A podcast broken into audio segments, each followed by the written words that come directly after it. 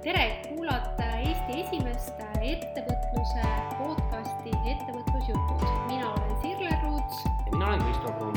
selles podcastis räägime ettevõtlusest ausalt, avatult ja läbi praktiliste näidete. oled oodatud kuulama, kaasa mõtlema ja otse loomulikult ka tegutsema. kohtume podcastis. tere, Ettevõtlusjutud jälle eetris, mina Sirle mina Kristo vahepeal on äh, taaskord natuke aega mööda läinud, äh, koolitushooaeg on pihta hakanud, tööd ja, tööd on palju ja tegemist ka, aga hea on siis jälle võtta aeg maha, et rääkida siis ettevõtlusjuttude teemal, et kuidas siis ettevõtluses läheb, millised mõtted meil Kristoga on Äh, ja teeme siis sissejuhatuse ära, et täna me räägime ebaõnnestumistest, aga ennem kui sellesse väga-väga põnevasse teemasse lähme, et kuidas siis vahepeal on läinud, et ma annan sõna sulle, Kristo, täna. no äh, ma kõigepealt tegelikult äh, ka tänan oma, oma kuulajaid, mul on siin ka suve jooksul mitmed tuttavad ja, ja tudengid ja koolitatavad ka olnud kuulajate hulgas ja on öelnud, et huvitav ja, ja teistmoodi, siis ma küsin mis teistmoodi on, siis nad ütlevad, et see, et me just räägime nagu mitte sellist akadeemilist ja niisugust nagu peab juttu, vaid räägimegi natuke niisugust mõnusat juttu. nii et ma loodan, et meie mõnusad jutud jätkuvad ka hilisemalt, aga mis ma teinud olen mm,? nagu sa ütlesid, koolitus hakkas pihta, see on, iga koolitaja teab, et nüüd ongi see kõva uhamine äh,. mahtra käib kuni, eks ole, talveni välja ja mina lisaks veel vahetasin ka natuke oma ülikooli, et ma tulin äh, täiskohaga tagasi TalTechi ja sellega seoses on mul uued õppeained, ka nagu uued sellised ikkagi nagu tööd tegemised, füüsiline keskkond ka natuke teistmoodi ja tead, ma pean tunnistama, et äh, ma pole vist kunagi nii närvis olnud kui sel sügisel e,. siin mul abikaasa pakkus, et äkki sellepärast, et ma pole saanud väga puhata, aga mina ise arvan, et see on kuidagi mingi sihuke muutusärevus või siis mingi, mingi niisugune nagu just nagu niisugune vastutus, et vaata, kui nagu noh, tulla uude, noh, mitte niimoodi uude ülikooli, aga siiski nagu ütleme, suuremate ootustega, kui sa oled külalisõppejõud, siis on ootused sulle võib-olla pisut madalamad, kui sa oled täiskohaga õppejõud, siis sa pead palju rohkem pingutama ja võib-olla see on tekitanud niisuguse närvi sisse ja, ja ma arvan, et veel üks asi, et tahad ikka olla nagu parem, kui sa olid varem ja siis see pingutamine ja mõte, et kuidas olla nagu veel, veel nagu kasulikum äh, oma auditooriumile, et see on, tekitab nagu iseenda suhtes sellised kõrged otsused. kas äh, ma haistan siin sellist perfektsionismi alget või... võib-olla tõesti jah, võib-olla tõesti ja ma olen isegi nüüd võtnud sel aastal, äh, võin siis kõvasti nii-öelda välja öelda, minu väljakutse on õppida õpetama paremini hmm.. aga mis aineid sa õpetad, et, et mis? no siinsamas TalTechis on mul valdavalt kõik, mis kannab nime turundus. Ja siis praegu sel semestril ma keskendun kõik, mis on rahvusvahelistumine. mõnes mõttes on hea, et, et jutt käib nagu peaaegu et samast asjast, ühele grupile ma räägin rohkem nagu siis äri kontekstis teisele rohkem turunduse kontekstis, aga jah, ütleme siis rahvusvaheline turundus ja rahvusvahelistumine on siis nagu põhiline, jah väga põnev teema äh, igal juhul ja ma praegu äh, haistan sellist äh, ühte podcast'i teemat siin täiesti, turundus ja rahvusvahelistumine on hästi-hästi oluline teema, sest rahvusvahelises konkurentsivõime raportis peetakse seda, et e-, Eesti ettevõtetel on hästi madal see rahvusvahelisustumise siis aktiivsus, et see üks selline noh, halb tegur. see on ammu tegelikult olnud, ma olen ka lugenud mm jah, ja, ja mhm. sellest ei ole saadud ikka vist minu arust nagu väga üle, kuigi ma arvan, meie startup sektor nüüd päästab seda päeva natuke, aga mm -hmm. klassikalised ettevõtjad jah, see mure on jah mm. -hmm. Mm -hmm. aga sina, mis sa teinud oled siis või teed? no minul on tegelikult hästi-hästi kiire olnud, sellepärast et äh, et ma hakkasin ka TalTechis see aasta siis magistrante õpetama äh, Äh, ja ma tunnen ka sellist äh, noh, vastutuse erinevust hästi-hästi oluliselt. mitte see, et ma kuidagi varem äh, tegin halvasti, aga ma andsin bakalaureusele siis tegelikult juba viis-kuus aastat ja noh, siis sa lähed sellesse mugavustsooni. ja, ja noh, nüüd ka on päris põnev, aga kuhu siis minu pealmine aeg on läinud, on selles, sellesse, et ma tulenevalt oma magistritööst ja teenuse disainist äh, inspireerituna ma uuendasin ära oma ettevõtluskoolitused, see tähendab seda, et ma lindistasin kõik videod uuesti ja ma olen sisuliselt lindistanud viimase kuu aja jooksul sada tundi. ma just tahtsin küsida, et kaua see aega on siis võtnud, et. Äh, no päris palju, sisuliselt ikkagi seitse päeva nädalas. ma tahtsin öelda sada tundi, meil on, eks ole, nelikümmend tundi nädalas mm -hmm. jah, et, et, et see on kaheksa tundi veel tööd. ja ka lindistamine vist ei ole niimoodi, et sa särad seal kaheksa tundi järjest, eks ole, et see ei ole päris võimalik. ja, ja äh, et seega noh, kõik nädalavahetused äh, siis nende aegade klapitamine niimoodi, et Äh, et noh, millal siis äh, on hea lindistada, äh, siis millal sa ise oled värske, siis millal see ilmastik niimoodi muutub, et kui müristab, siis sa ei saa seda teha. Kui näiteks vihma sajab, siis läheb isegi täiendava valgustusele lisaks läheb ruum liiga pimedaks, et sa ei saa seda teha, õhtul ka ei saa, et, et seega see on niisugune klapitamine.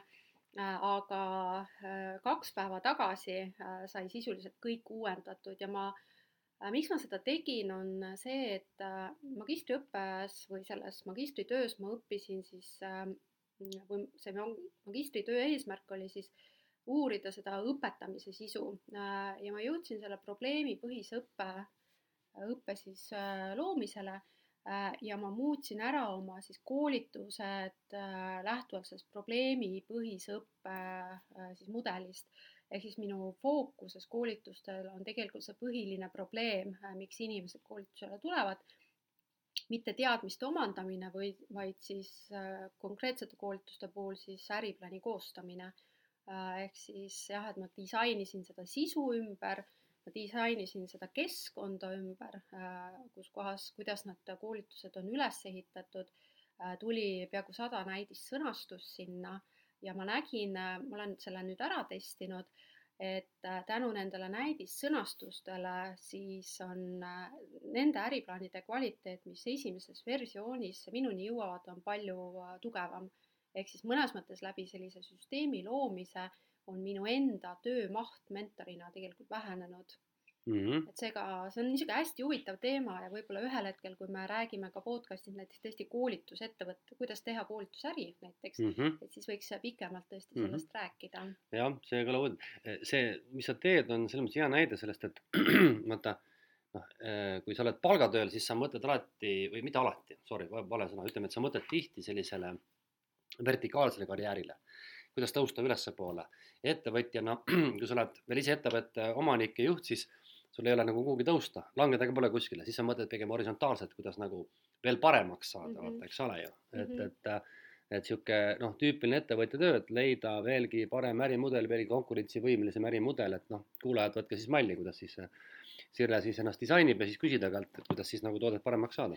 ja, ja, ja, aga lähme siis tänase teema juurde sest muidu äh, lähme hästi sellesse koolitusteemasse ikkagi sisse ja nagu eelmine kord siis me välja reklaamisime, et täna me räägime ebaõnnestumistest äh,. ja see on hästi põnev teema, sellepärast et ega me ju keegi ei taha ebaõnnestuda äh,. ja aga ettevõtluses tuleb mõnes mõttes neid olukordi ette ja, ja räägimegi täna läbi mõnes mõttes enda kogemuste, et me oleme kaks äh, pikaajalist ettevõtjat Äh, siin äh, ja millised on olnud siis meie sellised suuremad ja väiksemad ebaõnnestumised. aga alustuseks mõtestame lahti selle, et mis asi ettevõtluses üldse on ebaõnnestumine mina arvan, et, et see on, kui vaadata riski sellist klassikalist definitsiooni, siis see on kõrvalekalle sinu plaanist mm. -hmm. Et noh, plaan oli teha see asi niimoodi ära ja, ja, ja saada mingit tulu ja ja, ja ei läinud niimoodi.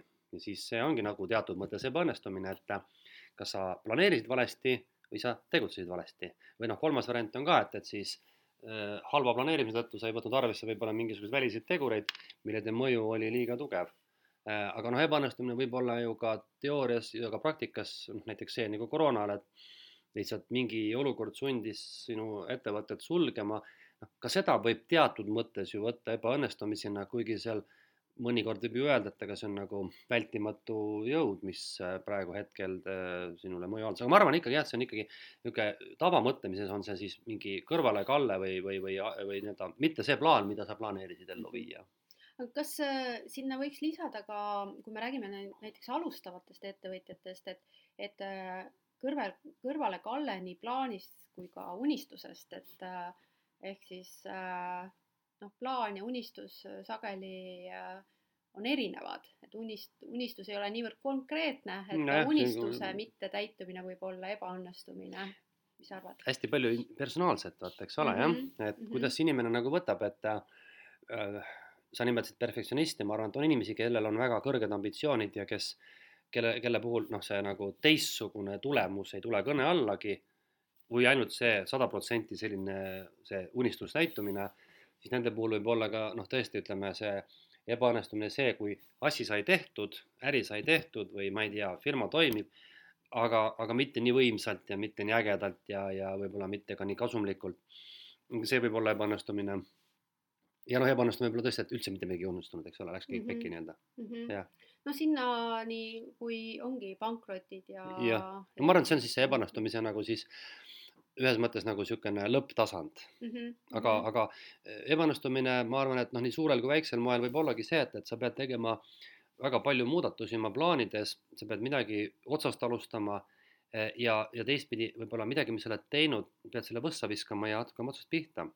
et need ilmselt eh, võiks ollagi sellised nagu arusaamad, et, et ikkagi, et noh, sul oli mingi plaan, aga midagi juhtus, et see plaan päriselt mm -hmm. niimoodi ei täitunud mm. -hmm. nüüd siin on veel üks, üks asi, et et kui me räägime nagu riskidest, siis risk on nagu tavapäraselt mõistetakse ta ka ühe ebaõnnestumise nagu niisuguse sünonüümina. tegelikult äh, majandusteoorias ja nii-öelda ettevõtluses riskiks nimetatakse igasugust kõrvalekallet, ka näiteks see, kui läks oodatust paremini. Äh, ärme siis sellest täna räägi, et kui läheb paremini, räägime sellest, kui läheb halvemini, kui oli mõttes mm. -hmm, mm -hmm. sind kuulates mul tekkis selline mõte, et ebaõnnestumine võib olla mõnes mõttes selline äh, psühholoogiline, et ma annan hinnangu mingile ebaõnnestumine, mis tegelikult võib-olla ei olegi ebaõnnestumine ja siis selline füüsiline ehk siis äh, seal siis juhtub midagi, see tähendab seda, et kas sa tõesti lähed pankrotti või siis äh, sa kaotad raha äh, või mainet või, või midagi niisugust, ehk siis äh, oluline on eristuda või eristada seda, et kas äh, see ebaõnnestumine on nüüd olnud psühholoogiline või siis äh, füüsiline mm. -hmm. nõus, äh, füüsilist on parem ka nagu mõõta ja näha, et noh, sa mhm. näedki, et, et äh, tulemus ei tulnud, eks ole mm. -hmm. ja, või ettevõttest pankrotti ja see vaimne pool on küll see, et, et, et see sõltub vaatajast, näiteks mm -hmm. asi, mida ütleme, sina pead ebaõnnestumiseks, võib-olla keegi teine ütleb, et mis sa nalja teed, et noh, nii hästi ju läks mm. -hmm. aga sul oli mingi hiiglama kõva ambitsioon, et ma ei tea, jõuda sealt top, ma ei tea, kolme oma ettevõtlusega ja sa jõudsid neljandale kohale, siis noh, läkski, eks ole, kunagi nagu vaata selle ebaõnnestumise puhul kõige paremini see sinu vaimse ebaõnnestumise näitena saab tuua ühte Eesti spordi legendaarset lauset, mida ütles Kaido Kaaberma vist Atlanta olümpiamängudel, kui ta saavutas neljanda koha, ütles neljas koht on möga. Iga teine inimene, isegi täna Eesti sportlane oleks noh, ülimalt õnnelik, ta saab neljanda koha, eks ole, aga Kaido Kaaberma ütles, et see on möga. nii et see on nüüd, ongi suhtumise küsimus, eks ole, kuidas mm -hmm. keegi vaatab aga äh, mis sa arvad, millised äh, sellised ebaõnnestumised siis äh, kõige rohkem ettevõtjaid piinavad, kas sellised psühholoogilised või sellised tõesti noh, mõõdetavad füüsilised ebaõnnestumised? vaata nende psühholoogilistega mm, võib-olla on vaimselt isegi mõnikord raskem toime tulla, see on nagu ego küsimus. Aga noh, need on pigem sellised, et sa lihtsalt pead laskma lati alla või natukese ümber mõtestama Mm, nad ei too kaasa sulle rahalisi kulusid tihtipeale selliseid mm, -hmm. aga selline füüsiline ebaõnnestumine, kui sa kaotad raha, on ikkagi palju valusam ja mm -hmm. see võib panna sinu järgnevatele otsustele väga suure põntsu.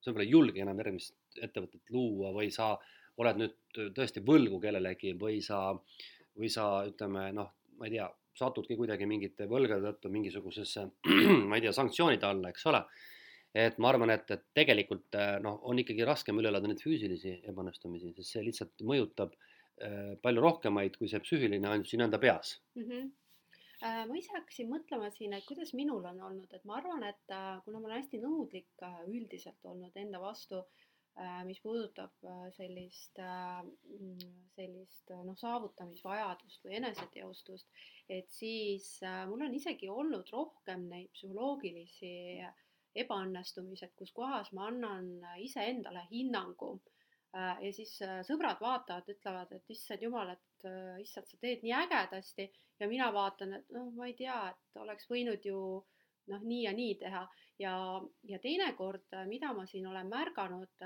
miks mul on näiteks praegu peale magistriõpet natukene selline võib-olla paigalseis, et jah, et, et ma teen siin, arendan oma ärimudelit ja kõike seda, aga ma tean tegelikult noh, liiga palju, et kuidas võiks asjad olla, on ju. sa oled liiga tark, et ja, teada, mida sa veel ei tea. jah mm, -hmm. ja siis, ja siis ma kuidagi olen võib-olla alguses ettevõtluse alustamise ajal ma panin nagu natuke puusalt või noh, niimoodi toore ja rumala jõuga. ehk siis, et nüüd on pigem see, et ma tean noh, kuidas tegelikult peaks tegema ja see natukene noh, annab hästi tugevat sellist pidurit või, või noh, et kriitikameelt iseenda suhtes, et kuidas ma noh, kuidas ma, ma ei tea, lähen ja räägin seda, et tegelikkuses noh, seal ei ole teadusartikleid taga või midagi niisugust mm, onju -hmm. tuttav teema muidugi. ja, ja et, et jah, et, et neid, neid psühholoogilisi või vaimseid ebaõnnestumisi, kus kohas annad jooksvalt hinnangu endale ja siis mõnes mõttes tardud, onju, et see on vaata see selline ajufunktsioon on ju, see on see võitle, põgene, tardu. Äh, ja, ja juhul, kui siis me anname endale hinnanguid, äh, siis äh, noh, see, see tähendab ju tegelikult negatiivset hinnad, hinnangut, kus kohas siis me tegelikult tardume, mis mõnes mõttes ongi ju ebaõnnestumine, on ju. sellisel, sellisel juhul noh, on see psühholoogiline surve hästi-hästi suur, on ju, ja seal siis tekibki, et ma ei tegutse ja seega siis ma olen justkui nagu ebaõnnestunud ja siis ma hakkasin mõtlema Äh, seda oma klientidele, et mul on siin ütleme viimase pooleteise aasta või kahe aasta jooksul olnud ütleme sada viiskümmend klienti, keda ma olen mentordanud.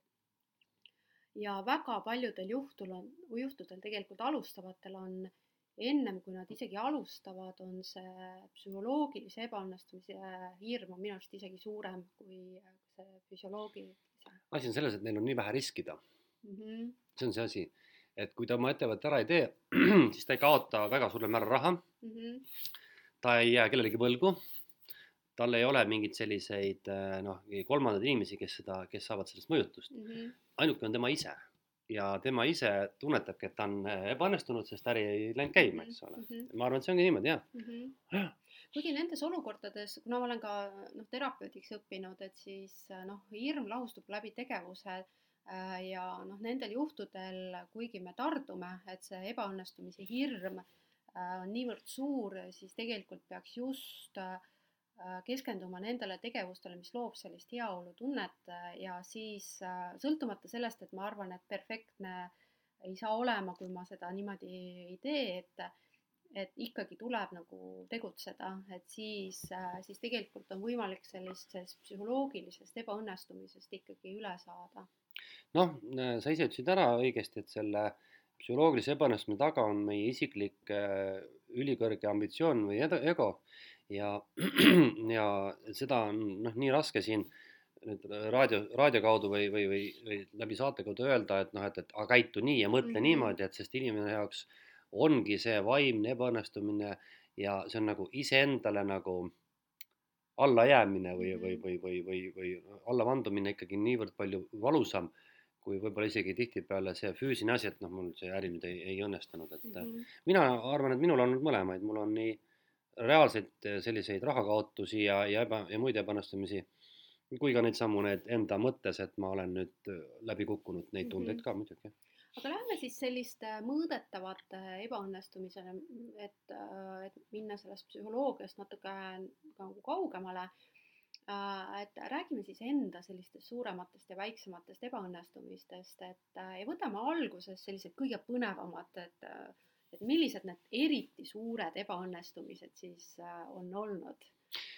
minul on olnud äh, paar ebaõnnestumist sellega, et see on siis selle võib panna ühise nimetajale, et äh, liigne usaldus äripartnerite või siis kaasasutajate suhtes ja juhtus korraga selline lugu, et me eh, rajades oma teist elektrijaama, meil oli, me olime isaga koos siis need nii-öelda ühed osanikud ja ma ei mäleta enam üldse, mis põhjusel, sellest on nii palju aega möödas. me võt-, otsustasime võtta punti ühe inimese, kes oli selles valdkonnas päris kõva tegija. kuigi me olime ühe jaama saanud omapäi püsti natuke tema, tema abikaasustusega, mingil põhjusel me vist lootsime mingisugust, kas ikkagi mingit äh, sellist know-how so, nagu sobivust, ühesõnaga võtsime ta punti. tema, me usaldasime talle äriplaani siis nagu tehnilise osa kirjutamise. mina kirjutasin sisulist osa, tema kirjutas tehnilist osa. ja olukord on selline, et kui sa arvutad välja, ütleme elektrijaama puhul siis selle eeldatava tootmisvõimsuse, siis selle järgi saad teada, millised seadmed sul on vaja ja siis sa lähed seda raha küsima. nii, teemegi arvutused ära käisid läbirääkimised, saime siis seadmete hind, hind oli kallis tolle kohta kolm koma neli või kolm koma viis miljonit krooni. aastal üheksakümmend üheksa oli see päris suur summa. Läksin panka, tükk aega võttis aega, et see laen saada, seal oli ka keerulised asjad. ja see oli umbes kuu aega peale laenu saamist juhtus niisugune lugu, et äh, tuli välja, et see arvutus oli vale. sellist võimsust ei olnud võimeline elektrijaam välja andma tähendab seda, et me investeerisime üle, see tähendab seda, et meil ei olnud raha, ei, ei, ei olnud tulemas raha, et mis oleks olnud, me oleks võimelised olnud seda laenu tagasi maksma. nii et põhimõtteliselt kuu aega pärast selle äh, nii-öelda äri käivitamist oli meil selge, et sellega on juba kõik. Mm.. ja küsimus nüüd oli, kuidas ennast päästa kolme poole miljonisest võlast? Aastal üheksakümmend üheksa, eks ole. ja, ja see oli nagu, see oli nagu siis esimene õppetund, et äh, noh, klassika on, et usalda kontrolli, eks ole ise nagu valdkonda nii hästi ei tundnud veel ja usaldasime nagu oma ala spetsialisti ja, ja juhtuski niimoodi, et me panime selle jaama küll käima, aga me hakkasime ka otsima nagu siis kedagi, kes selle ära ostaks ja sealt tuli järgmised ebaõnnestumised. nimelt, et äh, meile tehti veel, me panime nagu selle projekti müüki ja juhtus niimoodi, et mida päev edasi, seda vähem tekkis huvilisi ja seda rohkem me olime ise lõpuks selles punes sees, sellepärast et kõige esimene pakkumine, mis meile tuli, me ülbelt lükkasime see tagasi. tegelikult äh, tagantjärele hinnates me oleks pidanud selle pakkumise vastu võtma, kohe selle firma maha müüma ja ma oleks tulnud veel, veel uhkelt nagu niimoodi veel kasumiga välja, sest võlg jäi uue omaniku anda. ja siit järgmine asi, et, äh, et kui sa nagu oled nagu aru andnud, et see projekt sinu jaoks on juba päästamatu siis äh, ei maksa hakata nagu ülbama ja, ja otsima veel paremat partnerit, kui sa tead, et et sul tegelikult noh, ütleme, et oleks kasulik võtta see pakkumine vastu, mis sulle tehti, see raha ära võtta ja lugeda see projekt siis nii-öelda nagu teatud mõttes noh, nii-öelda õppetunni mõttes tehtuks. Aga meie jonnisime nii-öelda jutumärkides ette, me ei jonninud, see pole õige sõna, me lihtsalt nagu arvasime, et, et see on ikka nii äge asi ja sellest projektist saab nii palju raha, et keegi tahab. ja tõesti nii, et mida päev edasi, seda vähem neid kosilasi jäi ja lõpuks me tulime niimoodi välja, et noh, et, et me peale ei maksnud, aga mitte midagi sealt ei saanud kah mm. -hmm. nii et, et noh, õnn oli veel, et me sealt nulliga välja, aga meil oli laua peal pakkumine, kus me oleks saanud sellest ka sellest kehvast projektist veel nii palju raha. et see on üks niisugune näide minu kõige eredamast sellisest läbikukkumisest ja siis, ja siis ebaõnnestumist. Ja siis sellest tuleb järgmine lugu veel, et siis lõpuks, kui me olime oma nii-öelda selle ühe nagu äri olime nagu maha müünud, siis me hakkasime nagu teist äri ajama ja siis jälle kord millegipärast ma võtsin mingi äripartneri punti, kes osutus nagu täiesti sobimatuks inimeseks ja, ja mul tekkis juba uus hirm, et läheb jälle kõik samamoodi. Ja lõpuks see äri läks ka võssa.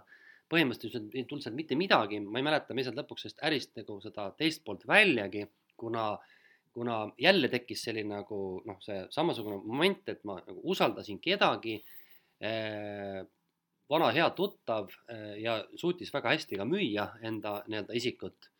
ja noh, õnneks seal ei tekkinud eriti mingit rahalist kadu, aga lihtsalt see protsess venis ja see tekitab olukorra, kus sa võid tülli minna inimesega, noh, me nüüd äh, õnneks tülli läinud ja, ja kõik lahenes, aga, aga äri ma ei kunagi aja enam sellise inimesega, kes sa oled mm. -hmm. et, äh, et üks nagu üks, üks, üks sündmus, kutsu esi mitu sündmust, et see on üks nagu näiteid minu elust jah mm. -hmm. Uh hästi huvitav, sest mul on ka äh, sisuliselt sarnane näide, aga, aga mitte selliste rahaliste kahjudega äh,. mul on äh,, siis kui ma kunagi kaks tuhat kaheksa hakkasin ettevõtjaks äh,, siis noh, ettevõtlikud inimesed on ju kogenud seda, et äh, mingil hetkel hakkavad tulema mingid pakkumised, on ju, oh, teeks midagi koos ägedalt.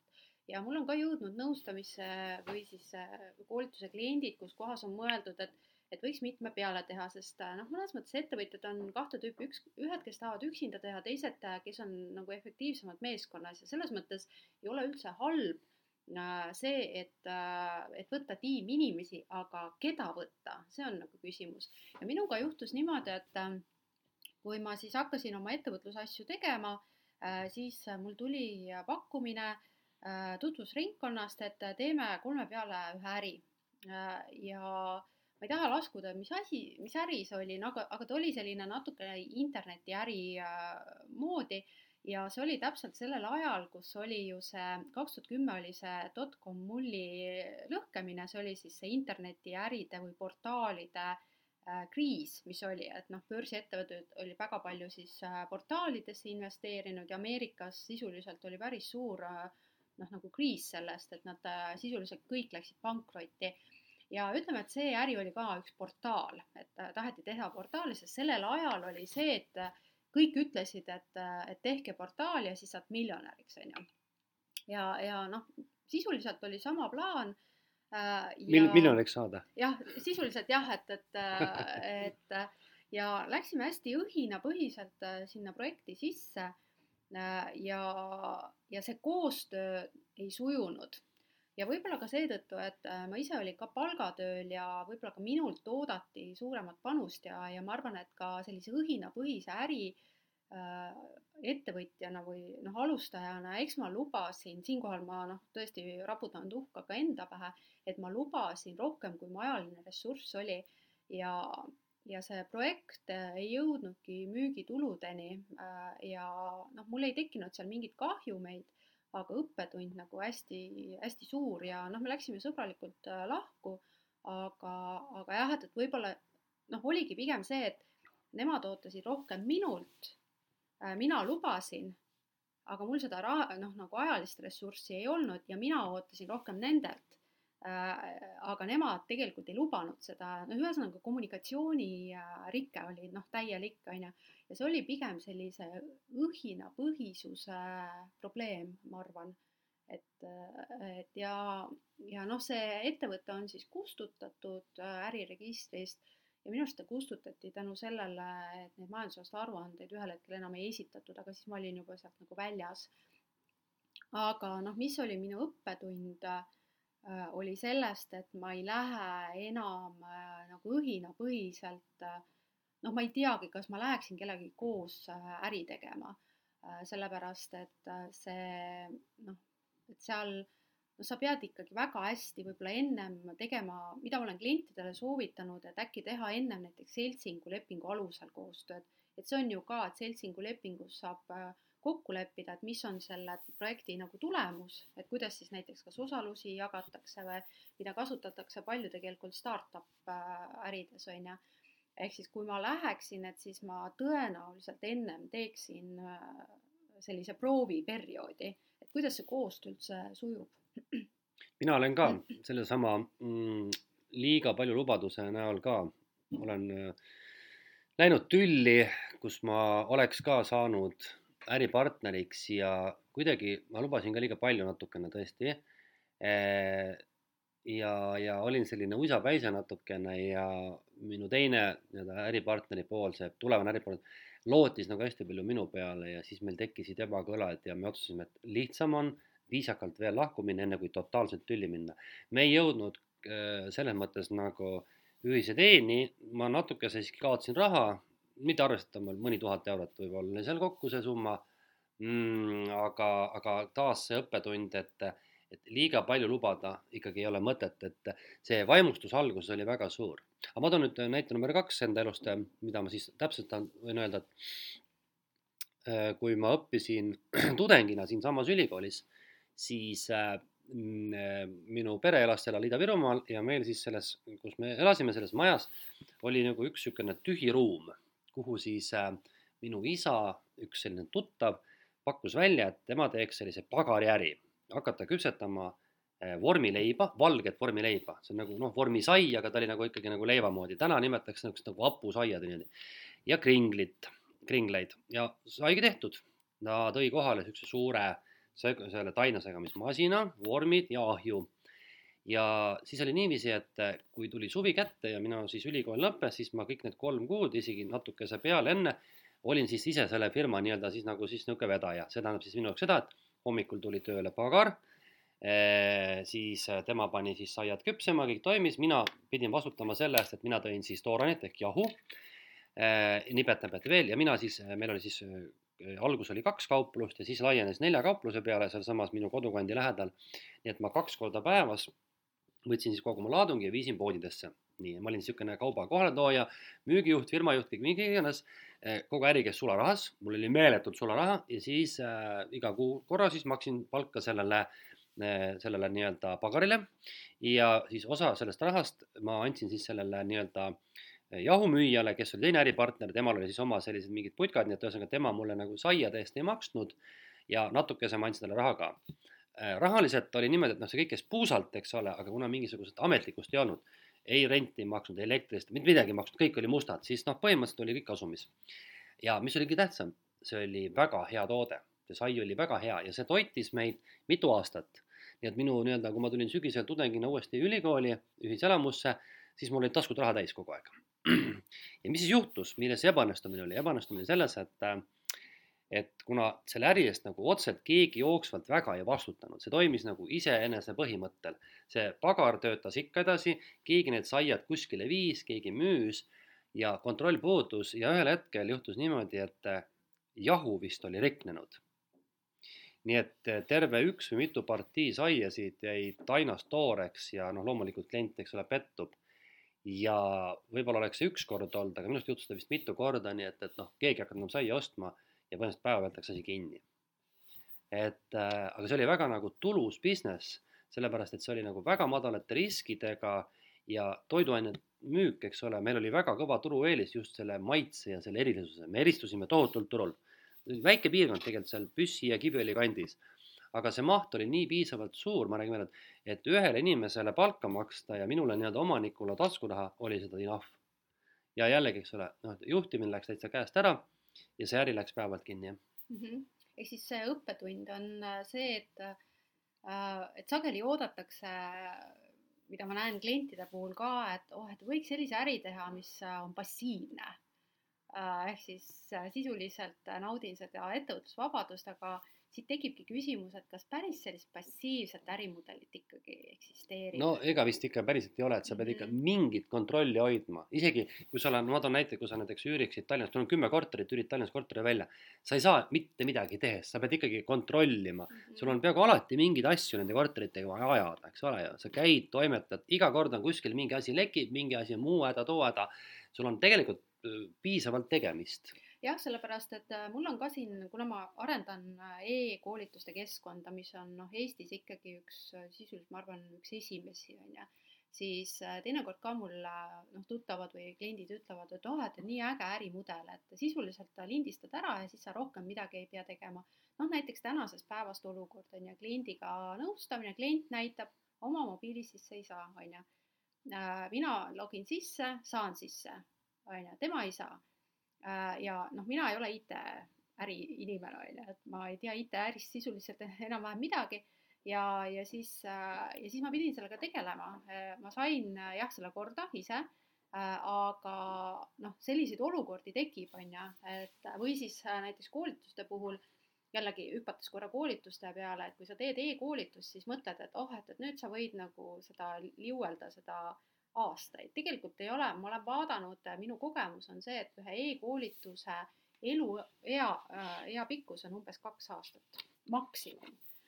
et, et noh, tegelikult sa ise muutud, see noh, keskkond muutub ja, ja noh, seal võibki tekkida see, et ka teenuse puhul näiteks seesama Saia lugu et ühel hetkel lihtsalt kliendid ütlevad, et noh, see on ikka mingi täiesti igivana koolitus, et mm -hmm. ärge sinna yeah. küll minge, on ju. on, on jah mm, -hmm. sa, sa ei saa ratsutada lõputult kaua mm, -hmm. eks ole, võib-olla Coca-Cola on muutumatuna olnud sada aastat ja rohkem äh,. aga tegelikult on ka nende tootevalik muutunud, eks ole, jah. ehk siis jah, et niisugust äh, võib-olla üks selline vale ootus, et, et on sellised passiivsed ärimudelid, millega ei pea mitte midagi tegema, ainult sa pead otsustama ära, et hakkad äri tegema et see on juba mõnes mõttes natuke ebaõnnestumine. ohukoht, ohukoht.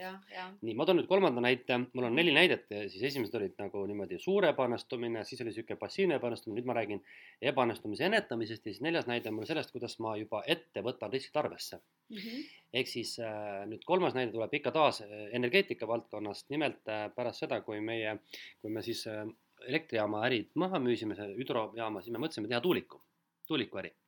ja me jõudsime nii kaugele, et oli firma oli äriplaan, oli maa ja jäi üle ainult osta tuulik ja hakata siis seda paigaldama. ja meil olid ka isegi elektri need nii-öelda liitumis, noh, kõik oli nagu paigas, me nägime kõvasti vaeva. aga siis juhtus niisugune lugu, et me ratsutasime sellesse, sellesse nii-öelda tuuleärisse selle teadmisega, et see on ikka veel alternatiivenergeetika ja seda kõik ootavad ja maksavad peale, annavad toetusi, aga enam ei maksnud. tolle hetke investeeringu esialgne maht oli miljon eurot vähemalt kümme protsenti sellest oleks pidanud ise panema, okei okay,, no selle raha me oleks leidnud, eks ole, niisugune kuni paarsada tuhat. aga siis me avastasime, et äh, tuulikuäris ehk tuulega siis tuulest energia tootmine, esiteks ühe tuulikuga sa oled nagu täitsa nagu poisike. sa tead, sa oled näinud, kui palju tuulikuid on korra, eks ole, vähemalt paarkümmend tükki on. see üks on sul nagu mingi noh, mingi niisugune lihtsalt hobi asi, eks ole. seal tekivad sellised nõuded nagu bilansikohustus, tähendab seda, et sa pead tagama, kui palju sa elektrienergiat võrku annad ühe tuulikuga, kui sul seisma jääb, siis sa oled automaatselt juba lepingut rikkunud. kui sul on kümme tuulikut, siis sa tead, et, et sa annad näiteks võrku, ütleme kaks kolmandikku selle mahust ja kolmandik on sul varus, et kui tuult ei ole, siis sa ikka suudad tagada selle, selle kohustuse, palju sa võrku toodad. ühesõnaga, sealt tekkis nagu see risk, teiseks oli see, et, et noh, me olime harjunud, et selles veeäris maksti meile sellist hinda, et põhimõtteliselt me müüsime nagu ilma äh, nagu ütleme, meilt kohu-, ütleme, riik kohustas meie energia kokku ostma, saad aru, nüüd oli muutunud olukord, enam seda ei olnud. kohustust ei olnud, me pidime hakkama võistlema nagu turuhinnaga. Äh, ja kui me nüüd panime kokku siis selle ühe tuuliku maksumuse, siis selle nii-öelda bilansikohustuse, oma väiksuse, siis kogu selle asjaajamise ja selle, et see hind tegelikult oli nii suhteliselt väike, tasuvusaeg läks kümne aasta peale, siis me vaatasime, et stopp, riskid on liiga suured ja me oleks võinud selle ära teha, aga see olekski jäänud ikkagi nagu noh, selle äri mõistes miniäriks liiga suurte riskidega. ja me ei teinudki seda äri ära. see firma, ma müüsin selle firma maha, maatüki müüs isa maha, äriplaan istub mul kapis praegu mm. -hmm. lihtsalt on see kogemus, kuidas asi käis ja me ei teinudki seda ära, jah. aga mis see õppetund äh, näiteks edaspidiseks oligi või? see, et, et äh, väga hea, et me analüüsisime mm. -hmm. väga hea, et me tegime tegelikult enne pildi selgeks mm. -hmm. me ei eeldanud õnneks midagi, me õnneks saime jaole asjaoludele, mis olid, äh, kuidas asjad olid muutunud, ehk siis meil oli olemas piisav informatsioon, me olime teinud ära noh, minimaalsed kulutused, noh ettevõtte loomine pluss äriplaan, see oli mingi sada tuhat kulutasime kroonidest tol ajal. et aga me ei olnud veel, aa maatüki ost oli ka õnneks jah, ütleme, see oli küll kallis asi muidugi.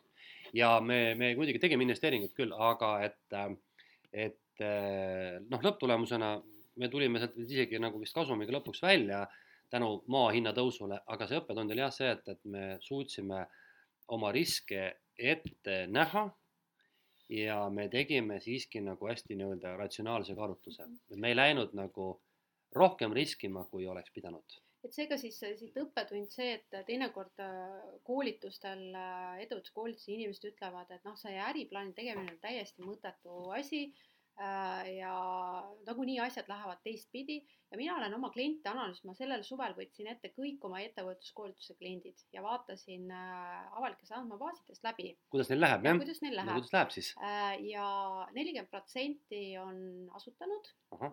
ja kusjuures ajas see nagu suureneb, ehk siis esimeste aastate aktiivsus on peaaegu sada protsenti ja noh, nüüd äh, viimane aasta on äh, kõige madalam, noh et, et seal on näha, et tegelikult äh, inimestel võtab aega, on ju, see, see asutamine jah, mhm. aga mis muidugi on huvitav, et võib-olla ainult paar protsenti on neid, kellel on läinud paremini, kui on äriplaanis prognoositud, enamuste müügitulud on ikkagi oluliselt väiksemad, ehk siis, ehk siis noh, isegi muidugi, kui äriplaani teha siis äh, see äri ei pruugi minna niimoodi, nagu äriplaanis on toodud, aga sa oled äh, noh, mingid riskid ikkagi läbi mõelnud ja minu arust siis, kui on vaja ikkagi teha sellist äh, investeeringut oma ettevõttesse, siis äh, noh, kui sa alustad niimoodi, et lihtsalt oma aega hakkad müüma või sul kulusid ei ole, arvuti on olemas, telefon on olemas, et võib-olla siis tõesti ei ole vaja äriplaani teha, et siis äh, õpid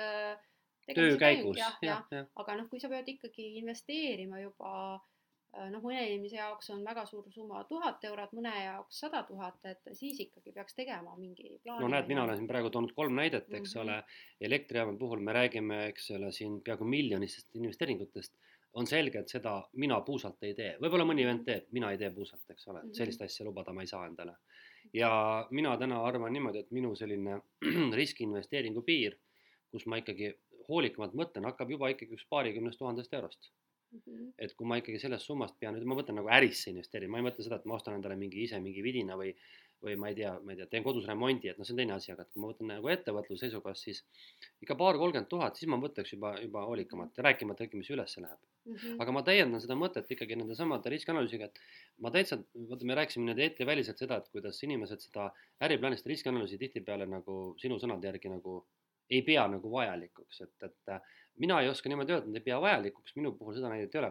küll aga ma, olles ise noh, nagu kogenud seda, kuidas selline äh, riskianalüüs aitab sul kasvõi natukesegi midagi ennetada või otsust langetada, siis, siis noh, ma äh, selles usun, ainukene noh, nüanss, et kuidas seda kirjutada ausalt, et inimesed ju petavad seal iseennast, eks ole, nad kirjutavad sinna selliseid riske, mis tegelikult on nagu noh, nii-öelda nagu välditavad või maandatavad ja jätavad siis need riskid võib-olla sinna välja, mis on tegelikult juhtuda võib mm. -hmm no või siis maandavad niimoodi, mida, mis on väga tüüpiline selline võib-olla mikroettevõtja plaan B, et, et näiteks, et äh, juhul, kui siis näiteks endast tulenev risk äh, ehk siis äh, jään haigeks. ühetöötaja risk nii-öelda. jah, ühetöötaja risk, siis on see, et noh, proovin teha haigena tööd või siis mul on sõber, kes teeb. jah, või jah, pereliige ja, või ja. sõber, et noh, pereliige teinekord võib-olla veab välja, oleneb, et noh, mis see sisu on, on ju. aga, aga, või siis on see, et, et proovin siis, kui kliente näiteks ei tule, et siis teen, teen rohkem, rohkem turundust, teen rohkem turundust, teen rohkem tööd, et aga, aga noh, kus see turundus. mis see tähendas, et ja, ja, ja Mm -hmm. et mhm. äh, sellised äh, slogani tüüpi mm -hmm. noh, laused, need ei ole riski. ei ole, ei ole jah. ja mm -hmm. tegelikult mina ütleksin niimoodi, noh, see, see, see tegelikult peaks käima, see riskianalüüs ikkagi niimoodi, et sa võtad ette ja kirjeldad seda situatsiooni mõttes mm, -hmm. et äh, juhtub selline asi, noh, toome näite, et risk on, kirjeldadki näiteks tuleb tervisekriis, mille tulemusena riik sunnib minu ettevõtte sulgema, ma ei saa mitte midagi müüa, mis siis nüüd saama hakkab mm, -hmm. eks ole. et noh, see nii, niimoodi sa hakkad mõtestama üldse alles neid asju. et äh, aga noh, vaata selle, siin on tegelikult üks selline konks jälle, selleks, et riskianalüüsi läbi viia, peab sul olema kõva eeltöö tehtud ikkagi rohkem kui selline pinnapealne, eks mm -hmm. ole ju. nagu sa ise ütled, tõesti väiksema äri puhul võib-olla tõesti pole üldse vajalik, aga kui sa teed ikkagi mingeid investeeringuid juba ja eriti veel, kui sa teed seda nagu selle Töötukassa jaoks või EAS-i jaoks, kes, kes äh, annab või ei anna sulle raha mm, -hmm. siis sa pead ikkagi näitama, isegi kui see summa on väike, see kuus tuhat või kümme tuhat, siis sa pead ikka näitama, noh, et, et sa oled nagu selle asja läbi analüüsinud, et, et ma möönan, et jah, et kui me räägime ikkagi korralikest investeeringutest, äh, kus riskid seda raha kaotada ja pärast võlgu jääda on suured, siis peaks nagu ausalt lähtuma, jah. jah, sest teine asi on see, et äh, mul on jõudnud nagu nõustamisse neid kliente, kes on äh, väga tugevad äh, noh, kas keskastme juhid, spetsialistid noh, omas valdkonnas ja neil tekib siis see ettevõtluse soov, on ju. ja, ja noh, sageli ju ettevõtluse soov on selline unistus, on ju, ja me näeme seda ikkagi läbi roosade prillide, siis on tegelikult selline turuanalüüs aidanud seda Äh, reaalset pilti näha, et, äh, et kui nad äh, tegelikult tulevad sealt oma palgatöölt ära, tehes nagu seda äri, siis nad võtavad umbes paariaastase tagasilanguse, on ju, nii oma sissetulekutelt, võib-olla ka professionaalsusest, et ja siis tekib nagu tegelikult see küsimus, et kas sellel on pointi või ei ole, on ju. ehk siis see on ka selline hästi hea, hea soovitus, et et kui sellist hästi suurt äh, noh, karjäärimuutust ka teha, et siis tasub ikkagi seda turgu analüüsida ja noh, näiteks üks asi, mida ka sageli pannakse riskianalüüsi, on see, et et, et noh, et kui eraklientide turul ei saa, et siis ma, siis ma hakkan müüma näiteks äriklientidele või siis on see, et ma üldse lähen rahvusvaheliseks.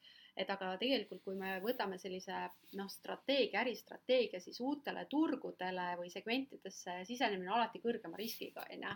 Mhm, muidugi on. et jah, et, et, et nad ei saa olla sellised õhinapõhised äh,, jaa.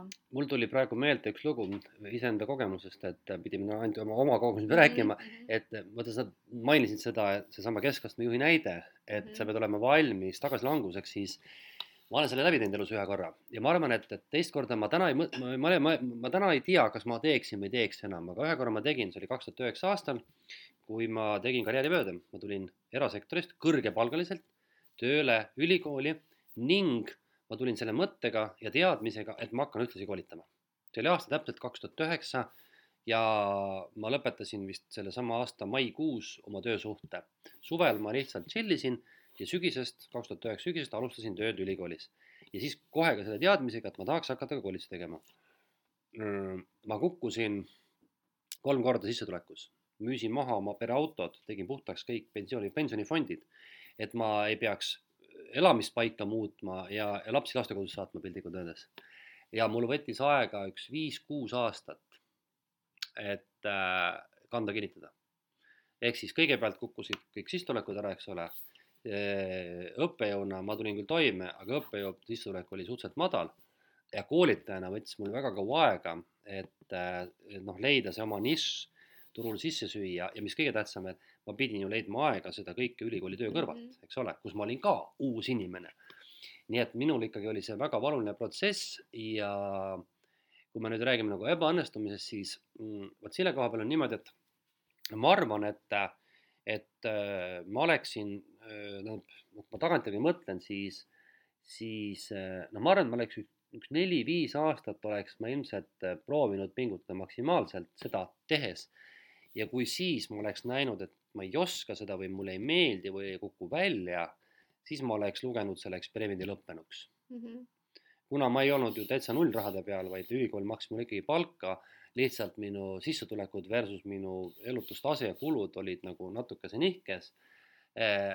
et, et mul oli, ma arvan, tagantjärele, ma arvan, et umbes kolm kuni viis aastat sinna vahemikku oleks jäänud see periood, sest esimesed aastad ma õppisin õppejõud olema seda koolitusprotsessi, siis ma hakkasin nagu rohkem koolitusi tegema, aga kõik see oli niisugune natuke veel juhuslik, et et aga kui ma oleks noh, teadlikult peale elanud, siis ma muidugi oleks selle, selle ebaõnnestumise tähtaja toonud lähemale mm. -hmm. aga mis oli su ootus, kui sa näiteks selle lahkumisavalduse lauale panid, et äh, mis hetkeks sinu unistuses või nägemuses äh, nii see õppejõu noh, see amet kui ka see koolitusäri äh, oleks seda sissetulekut toonud, tead, vaata sellega on niimoodi, jah, mul oli niisugune lugu, et äh, ma ei pannud omale otsest tähtaega mm., mul oli pigem põhjus äh, see sisemine ja see niimoodi emotsionaalne, see on see, miks sa hakkad ettevõtjaks, tahad sellist otsustusvabadust ja sellist nagu arengut mm, -hmm. mida ma enam ei näinud palgatööl.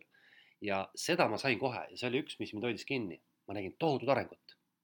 ehk siis kõik, mida ma olin kunagi töötanud kõike, mida ma suutsin õppida ja lugeda, ma sain kohe edasi anda. see on nagu selline uskumatu tunne, mhm. täitsa uskumatu tunne. ja, ja mul ei olnud seda tähtaega. Mhm. ma arvan, et selle tähtaja oleks pannud paika aeg ise, et kui ikkagi ütleme, noh, absoluutselt välja ei tule, töö ei meeldi, tagasiside on selline, et öeldakse, et sulle, sa ei sobi sellesse ametisse ja lõppkokkuvõttes raha ka, ma arvan, et raha oleks olnud see viimane, vaid pigem see hakkamasaamine, kui see oleks hakanud kohe domineerima, siis ma arvan, ma oleks sellega töökorra lõpetanud mm. -hmm. aga okay. see on jah, see on, see on, see on nüüd see koht, kus mul oli ka tegelikult väga suur risk mm -hmm. ebaõnnestumiseks, sellepärast et ma võtsin suure loomutuse ja, ja ma, ma tegelikult teadlikult arvestasin selle, selle ikkagi paari-kolme aasta sellise väga raske perioodiga, ma, ma väga selgelt teadlikult arvestasin, jah. no see on tegelikult hea, sellepärast et, äh, et sageli arvatakse ju, et noh, kohe hakkab kõik äh, toimima. ja, jah aga noh, ma mõtlesin siin, et äh, mis minul on veel lisaks olnud selliseid ebaõnnestumisi, siis üks on hästi huvitav ebaõnnestumist pealtnäha tegelikult ei ole, aga tegelikult äh, noh, ta on, on see, et äh, ma kunagi siis ühesõnaga järgmise äriteena siis oma siis põhitöö kõrvalt, tegelikult jah, ma ennem ütlesin ebaõigelt, ma läksin tegelikult ühte ettevõttesse veel sisse. Mm, ja ma läksin tänu sellele, et ma sellele kliendile, noh, ta oli mu klient pikalt, ehk siis ma osutasin talle raamatupidamisteenust ja siis me otsustasime, et meil koostöö päris hästi sujus, et me loome siis Eestisse erakooli, ma olen erakooli omanik olnud hmm. Äh, ja see oli erivajadustega laste põhikool, et ma olen kogu selle põhikooli loomise ja juhtimise protsessi läbi teinud, mina olin seal finantsi, finantsjuhtimise poole peal.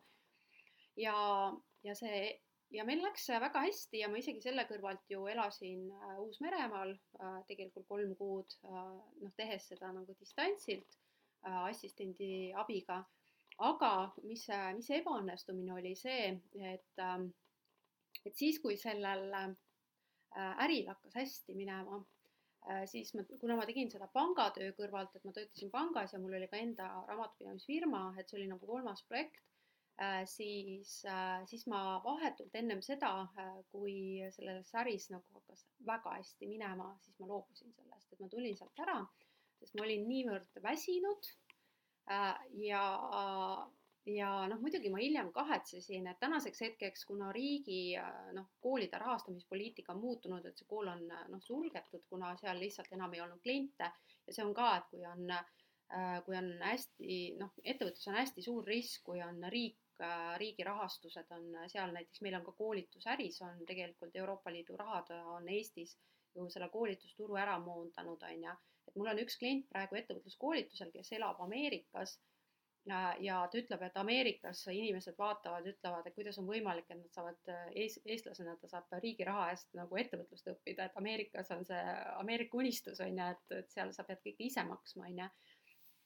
aga äh,, aga selle eba, noh, miks see, aga selle ebaõnnestumise õppetund äh, on see, et ma hakkasin ennast analüüsima äh,. et ma pikalt mõtlesin, et noh, et, et oli, noh, miks ma niimoodi loobusin, on ju ja, ja siis ma hakkasin äh, märkama oma mustreid ja võib-olla see on kasulik ka meie kuulajatele äh,. minul on, ma olen sellisest äh, noh, nagu lapsepõlvest või sellisest kodust on ja, ja ma arvan, et meist paljud on see, et kus kohas ikkagi edu saavutati või uskumus oli see, et äh, tuleb palju tööd teha, on ju, selleks, et saada rikkaks või siis natukenegi raha endale, on vaja väga palju tööd teha. Äh, ja mõnes mõttes edu nagu tuleb sellise äh, pingutuse tulemusel. Ja, ja ma hakkasin äh, seda olukorda analüüsides siis ennast ja oma käitumist analüüsima.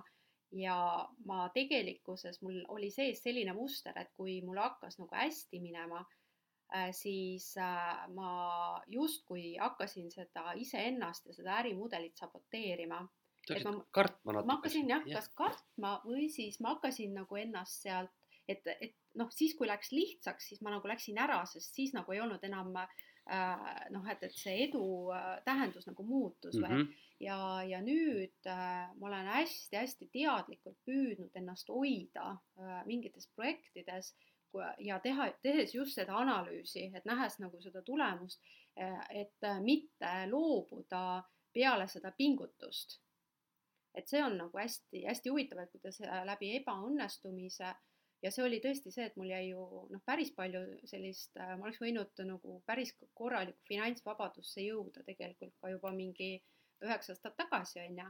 Aga jah, et, et ma, ma loobusin ise vabatahtlikult sellel hetkel, kui ettevõttel hakkas äh, nagu paar kuud hiljem sisuliselt hakkas nagu hästi minema. aga üks, äh, üks selline, mm, kui tuua siia võib-olla ka rahalist sellist ebaõnnestumist noh, üldiselt mul ei ole äh, rahalisi ebaõnnestumisi olnud ettevõtjana, kuna ma ei ole väga kõrge riskide võtja. Aga üks äh, selline ebaõnnestumine on seotud siis sellega, et ma aastaid tagasi otsustasin korraldada konverentsi äh, ma mäletan seda muuseas, jaa, see on päris võimas, võimas, võimas asi sul oli. ja, ja, ja, ja kusjuures ma sain sinna, saal oli täis sisuliselt sada inimest ja tegelikult see tulemus oli äh, noh, niimoodi võttes oli ikkagi väga-väga hea, noh, inimene, kes, kellel ei ole nime äh,, kogemust, on ju, saab sisuliselt Viru konverentsikeskusesse sada inimest, on ju. Aga mis oli seal probleem äh,, noh, ma jäin rahaliselt kahjumisse ja äh, üks oli ego probleem ja teine oli äh, nagu mõnes mõttes selline äh, nagu teadmatuse probleem, ehk siis mul puudus kogemus selles valdkonnas ja, ja tegelikult ma oleks pidanud nende inimestega rääkima, kes siis äh, seda oli varem teinud.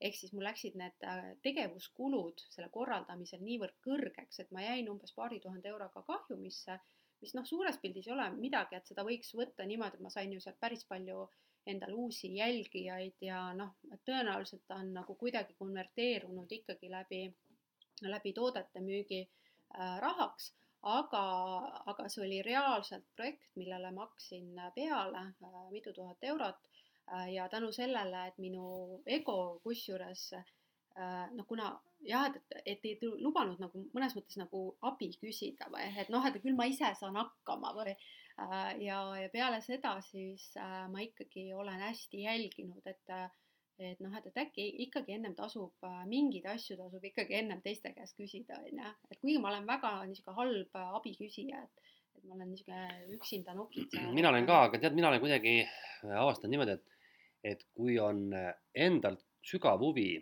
siis äh, uudishimu saab võitu mm. -hmm. ma olen vaadanud siin hästi paljusid asju, millega ma tegelenud viimasel ajal olen, igast hobid ja ka niisugused ettevõtmise asjad ja siis tekibki nagu selline äh, tekib nagu just selline nagu uudishimu, et kuule, räägi, kus sa selle said või kuidas sa teed või kust seda saab, eks ole.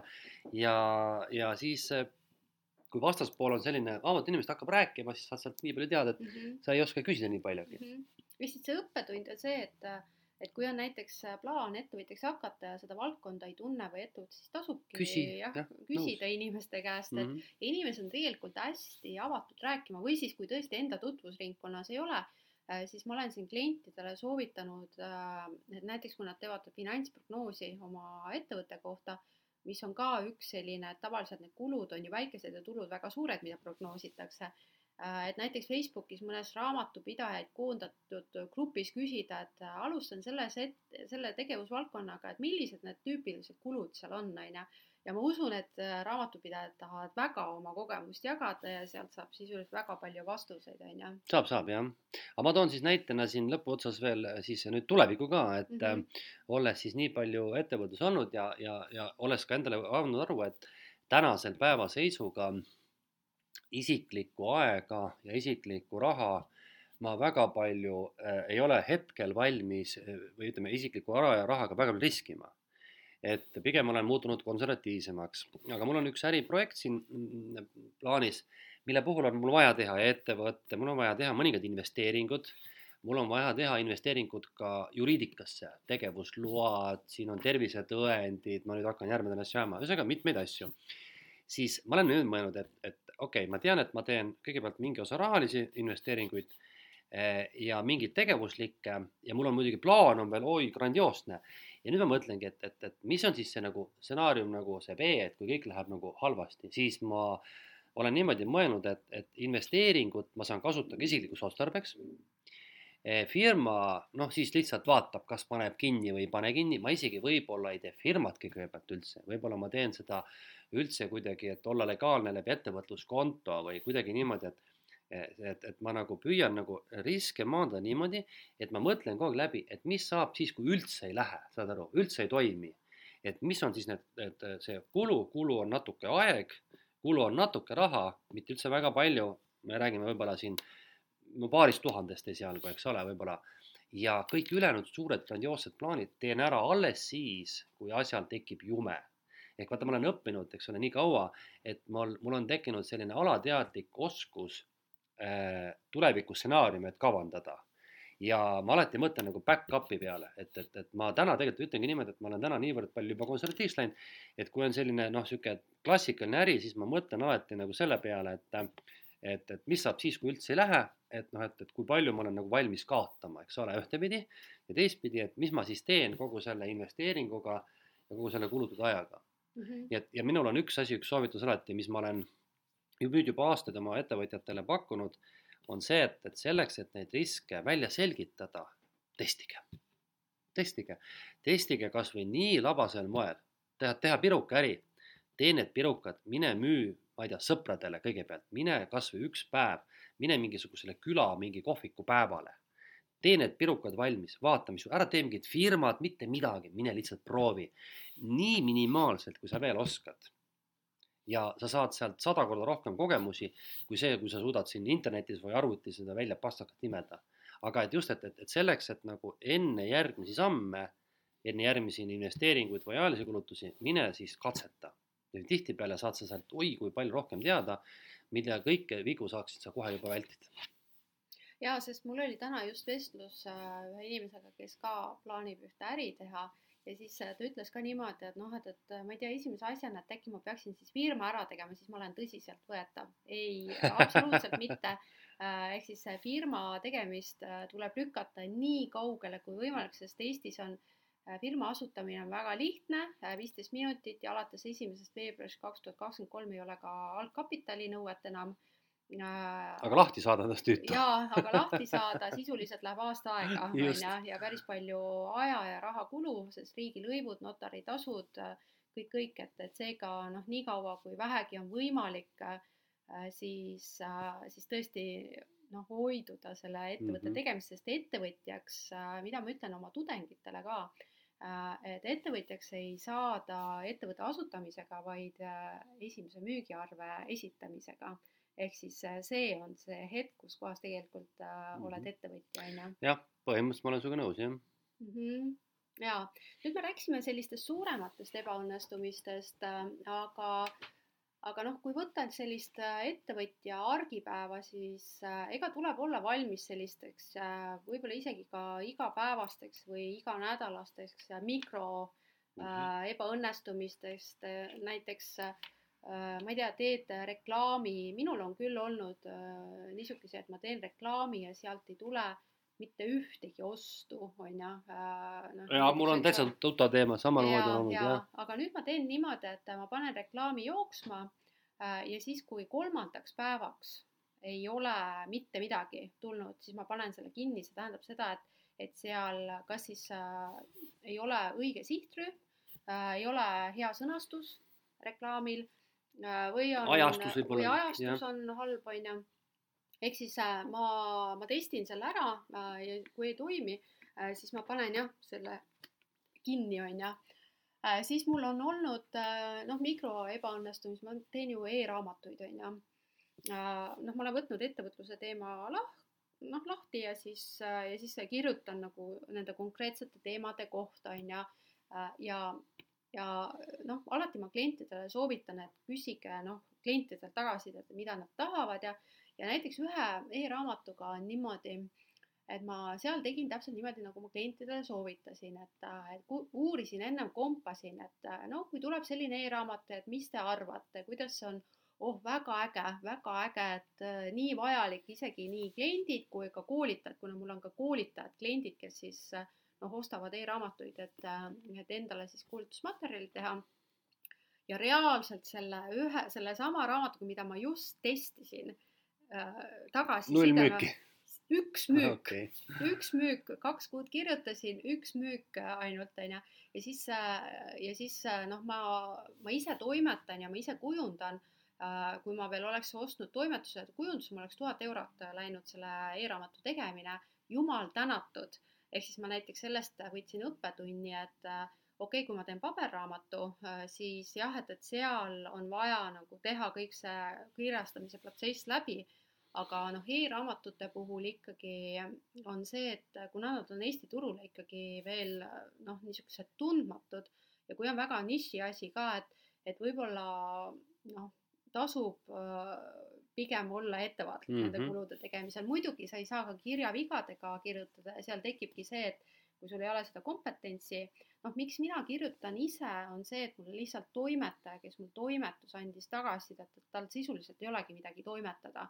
Et ma pigem siis võtan endale see kaks nädalat, et ma loen siis mingi iga päev mingi kaks lehte ja siis sätin neid lauseid, on ju et, äh, et aga, aga jah, et tänu sellele tagasisidele lihtsalt, et noh, et ei olegi vaja midagi toimetada. teinekord ma võtan sind toimetajaks, sest minul on tead, mis viga mm., ma ei loe mitte kunagi läbi enda kirjutatud, mitte iialgi. no saada mulle, jaa. ma olen kirjutanud oma elu jooksul kaks magistritööd ja mitu diplomitööd ja ma ei ole neid kunagi otsast lõpuni läbi lugenud, ausõna. ma olen sihuke inimene ja ma tean palju inimesi muuseas, ma ei ole mm. ainuke maailmas mm.. ja jah, minul, minul mingite asjadega on küll, mulle ka ei meeldi enda teksti lugeda, aga noh, magistritööd ma lugesin sisuliselt endale üle vist ennem esitamist ka kaks nädalat mm, -hmm. iga päev tubli, mina, ma lasin kirja üle, vaatasin, et ah, käib kah noh, okei okay,, mitte päris nii eh,. muuseas mm, -hmm. ma toon ka paar mikro eh,, ma arvan, et, et see on asi, mida, mis, mida sina oled kokku puutunud ja me vist rääkisime ka, on see finantsid. Maksetähtaegadega läheb asi hapuks, kliendid ei maksa, eks ole, mingi arvega tekib mingi jama eh,. minul on, tead sa, mingisugune needus. ei tea, miks see nii on, aga minu eh, asjad unustatakse kogu aeg ära minu arved unustatakse ära, minu tellimus unustatakse ära, minu isik unustatakse ära. mul on täiesti fenomenaalsed lugusid, ehk siis kui ma midagi ostan midagi, tellin midagi või, või midagi on, ma tean et, et viiekümne protsendi juhul ma pean üle täpsustama, sest mind on ära unustanud. Äh, tead, mis uskumatu lugu, ma ei tea, miks see niimoodi juhtub, jah. kui ma korra kehastun terapeudiks, äh, noh, kui sa näiteks oleksid mul, kui ma oleks terapeut, tuled mulle vastuvõtule ja ütled, et tead, mul on niisugune probleem, millega ma tahan tegeleda, on see, et mind, mind unustatakse ära kogu aeg. Äh, ja kui on rahateemad, äh, siis äh, see, seda noh, niimoodi teraapiamaailmas tõlgendatakse niimoodi, et üks võimalik diagnoos võib olla see, et kas on probleeme vastuvõtmisega. et, et, et noh. mul on pangakonto kogu aeg avatud et noh, see on nagu selline psühholoogiline vastuvõtmine, et et äh, nagu ei no, taha vastu võtta. jah, et, et ja, ja. noh, see on kiit-, noh, see on täpselt sama, see ei ole ainult raha vastuvõtmine mm, -hmm. aga noh, kiituse äh, selline noh, ka kiitus jah, või ja. tunnustus ja et oh, et, et see on see nendele inimestele, et oh, mis mina nüüd või noh, ka see läheb sinna eneseväärtustamise mm -hmm. teemasse sisse. no üks osa mm -hmm. ebaõnnestumist on meie töös, on see, et, et teed vahest koolitust noh, mitte nii hästi, ülejala ma arvan, et, et ka sul on olnud kindlasti koolitusi, mida sa ei oleks tahtnud teha, teed hambad ristis, eks ole, raha eest või kuidagi lubasid. Ja, ja see on ka sihuke, et noh, et, et näed, et tegelikult kukub läbi, eks ole, noh, isegi siin, no ütleme, et võib-olla see tellija võib-olla nii väga aru ei saa. ise tunnetad küll, et noh, tegelikult oli see nagu möga, see on ka nagu mikro ebaõnnestumine, eks ole, et sa teed mhm. selle toote, teenuse ja see tulemus läks halvasti või isegi siis on veel halvemini, kui, kui vastaspool saab, ütlebki sulle, et see oli halb mm. -hmm. see on ebaõnnestumine, eks ole mm, -hmm. see on üks nendest kümnetest ja tuhandetest toodetest ja teenustest, aga see jääb sulle eredalt meelde. Jaa, sest äh, see on üks põhjus, äh, miks, äh, miks ma äriplaanide koostamisega lõpetasin, üks on see, et lihtsalt see ammendas ennast. teine põhjus on see, et kui teha seda, neid palju, siis rahastajast küll natuke sõltub, mitte rahastajast, aga kirjutajast natuke muidugi sõltub ka see, kas raha saadakse või mitte aga üldiselt võib-olla see mõju on, ma arvan, mingi kakskümmend viis protsenti või midagi niimoodi, sest noh, panganduses ma ju tean, et kui ärimudel ei toimi, siis ükskõik, kuidas sa seda kirjutad, et, et mitte midagi ei tule. ja ma võtsin alati hästi isiklikult äh, neid äh, projekte, kus kohas äh, ma teadsin, et me tegime absoluutselt kõik aga lihtsalt rahastaja lihtsalt ei rahasta. -hmm. no mina ka võtsin. ja, et ma võtan hästi, võtsin hästi isiklikult, aga noh, kui me räägime täna ebaõnnestumistest, siis äriplaanide ärisuund on tegelikult ka üks ebaõnnestumine selles mõttes, et et seal on nii õnnestumine kui ebaõnnestumine koos, et äh, ma jõudsin selleni, ma tegin ju, kirjutasin raamatu, tegin reklaami, et ma tegin kõik need õiged tegevused selleks, et mõnes mõttes jõuda sellisele eksperdi tasandile, on ju, äh, ja noh, tugeva persooni brändiga. Äh, ja ma jõudsin tegelikult selle hetkeni, see oli umbes kaks aastat hästi intensiivset tööd et, et mul äriplaani tellimusi tuli niimoodi, et, et ma noh, sisuliselt kuus ma oleks võinud nagu noh, iga nädal tuli tellimusi, on ju. et oleks võinud, isegi tulid juba suured projektid ja, ja, ja, ja siis ähm, äh, ja siis ma avastasin, et äh, see on ajamüük, see on enda ajamüük, mida ma ei taha tegelikult teha. no tõenäoliselt on ka see, et ma kasvasin selleks hetkeks selle ettevõtjani, et ma nägin, et see ajamüügil põhinev ärimudel nagu ei toimi, aga mis selle noh, projekti ebaõnnestumine on see, et ma et ma siis äh, ehitasin üles kogu persooni brändi koos raamatuga ühele teenusele ja siis ma jõudsin selle arusaamiseni, et see ärimudel mulle tegelikult ei sobi mm. -hmm. No ma ei, ma ei kujuta ette, et kas niisuguseid ebaõnnestumisi on võimalik ennetada, sest me ka ettevõtjana vaata kasvame, et seal tuleb lihtsalt aktsepteerida, et okei okay,, et noh, tänasel hetkel ma olen lihtsalt teine inimene äh, ja, aga ma natukene võib-olla nagu tunnen seda kui ebaõnnestumisena, et, et, et noh sealt oleks võinud kasvada edasi noh, EAS-i kasvuprogrammi projektide kirjutajaks ja nii edasi. aga noh, see tundus nagu niivõrd äh, raske töö, sest sa pead äh, hommikust õhtuni sisuliselt kirjutama, analüüsima, kohtuma klientidega ja, ja noh, see, et see tulemus tegelikkuses äh, ei sõltu sinust ainult, et see oli minu jaoks nii raske lihtsalt. nojah, me võime ju tegelikult öelda ebaõnnestumine on see, kui sa näiteks paned üles omale viis-kuus koolitust ja neist pooled ei müü, eks ole mm, -hmm. siis noh, sa oled ju töötanud, vaeva näinud, aga sa oled midagi võssa pannud, see on ka ebaõnnestumine mõnes mõttes, noh. et noh, neid väikseid asju tuleb alati ette ja ma arvan, et neid ei, ei tasu, noh, need on asjad, mille puhul äh, tulebki võtta nagu, et, et äh, mõned asjad lihtsalt ei tööta, aga sa ei tea, mis ei tööta mm, -hmm. eks ole, need ei ole sellised asjad, mille pärast ma arvan, et peaks üldse paanitsema mm. -hmm, et on pigem äh, no, õppetund, kogemus ja, ja, ja kasvamine. kasvad ettevõtjana, et, et jah, et, et mingeid asju, mingeid etappe mõnes mõttes need võivad tunduda ebaõnnestumisena, aga nad on pigem sellise ettevõtjaks kasvamise noh, üheks osaks on ju. Mhm. aga võttes nüüd kokku tänast teemat, et äh, mida me soovitame siis äh, meie kuulajatele ebaõnne, õnnestumiste teemal, et äh, et mis, mis on meie, meie niisugused soovitused? no ma ise ütleks niimoodi, kui sa oled alustav ettevõtja, siis on, ongi keeruline kõiki asju ette näha Mm, sa lihtsalt ei näe, eks ole. ja tuleb aktsepteerida, et mingid asjad võivadki, noh, ongi nii-öelda nagu legendid ütlevad fifty-sixty, eks ole, et sul võib kõik mitte õnnestuda, kogu see äri ise võib ka õnnestuda. nüüd, mis on nüüd järgmine samm, on see, et kui sa ajaga toimetad, siis tark oleks ikkagi märke näha, eks ole, et et sa oskad õppida nendest nõnda nagu tegevusest, vigadest, et sa noh, teed oma äri nagu silmad lahti, et sa ei korda sama viga uuesti ja uuesti et sa pead õppima, et on mingid asjad, mis ilmselt sinu puhul ei tööta, selles äris ei tööta ja noh, see on nii lihtne asi, lihtne rääkida, võib-olla raske teostada, sa pead õppima, et tulevikku vaadates sa enam sama asja ei tee või et kui sa teed oma uut äri, et sa oled ikka nii piisavalt tark, et sa oskad neid võimalikke riske ja, ja neid möödalaskmisi ja neid nii-öelda ebaõnnestumisi arvesse võtta mm. -hmm ja, ja mina siia tooks võib-olla juurde see, millest me täna alustasime, et me sageli äh, Äh, anname endale, noh, me võimendame läbi sellise psühholoogia, sellise vaimse tervise seda ebaõnnestumist veelgi rohkem, et võib-olla ettevõtluses peaks nagu selle noh, mõistuse ja tunded noh, selle koha peal nagu lahtu, lahku lööma.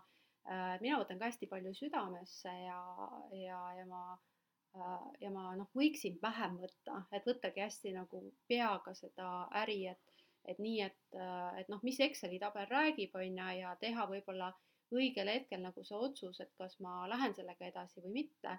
Et mitte siis äh, seda noh, kivina nagu kaasas kanda, mhm. on ju. et just see hinnang iseendale, see perfektsionism, on ju, mis äh,, mis võib äh, mõnes mõttes meid panna tarduma niimoodi, et me ei näe tegelikult, me saame võimsa kogemuse, aga me ei näe nagu seda ärivõimalust, on ju, mis tekib mm. -hmm jah mm, -hmm. õnnegi, just. jaa, aga siis äh, oleme tänaseks äh, sellise põneva teema võtnud äh, kokku, et ma loodan või me loodame, et, et saite siit selliseid häid nippe läbi meie kogemuse ja mõistmist, et kas, kas siis ja kuidas siis tõlgendada neid ebaõnnestumisi. Ja siis järgmisel korral uued teemad siis. just, kõike head, kuulamiseni. kõike head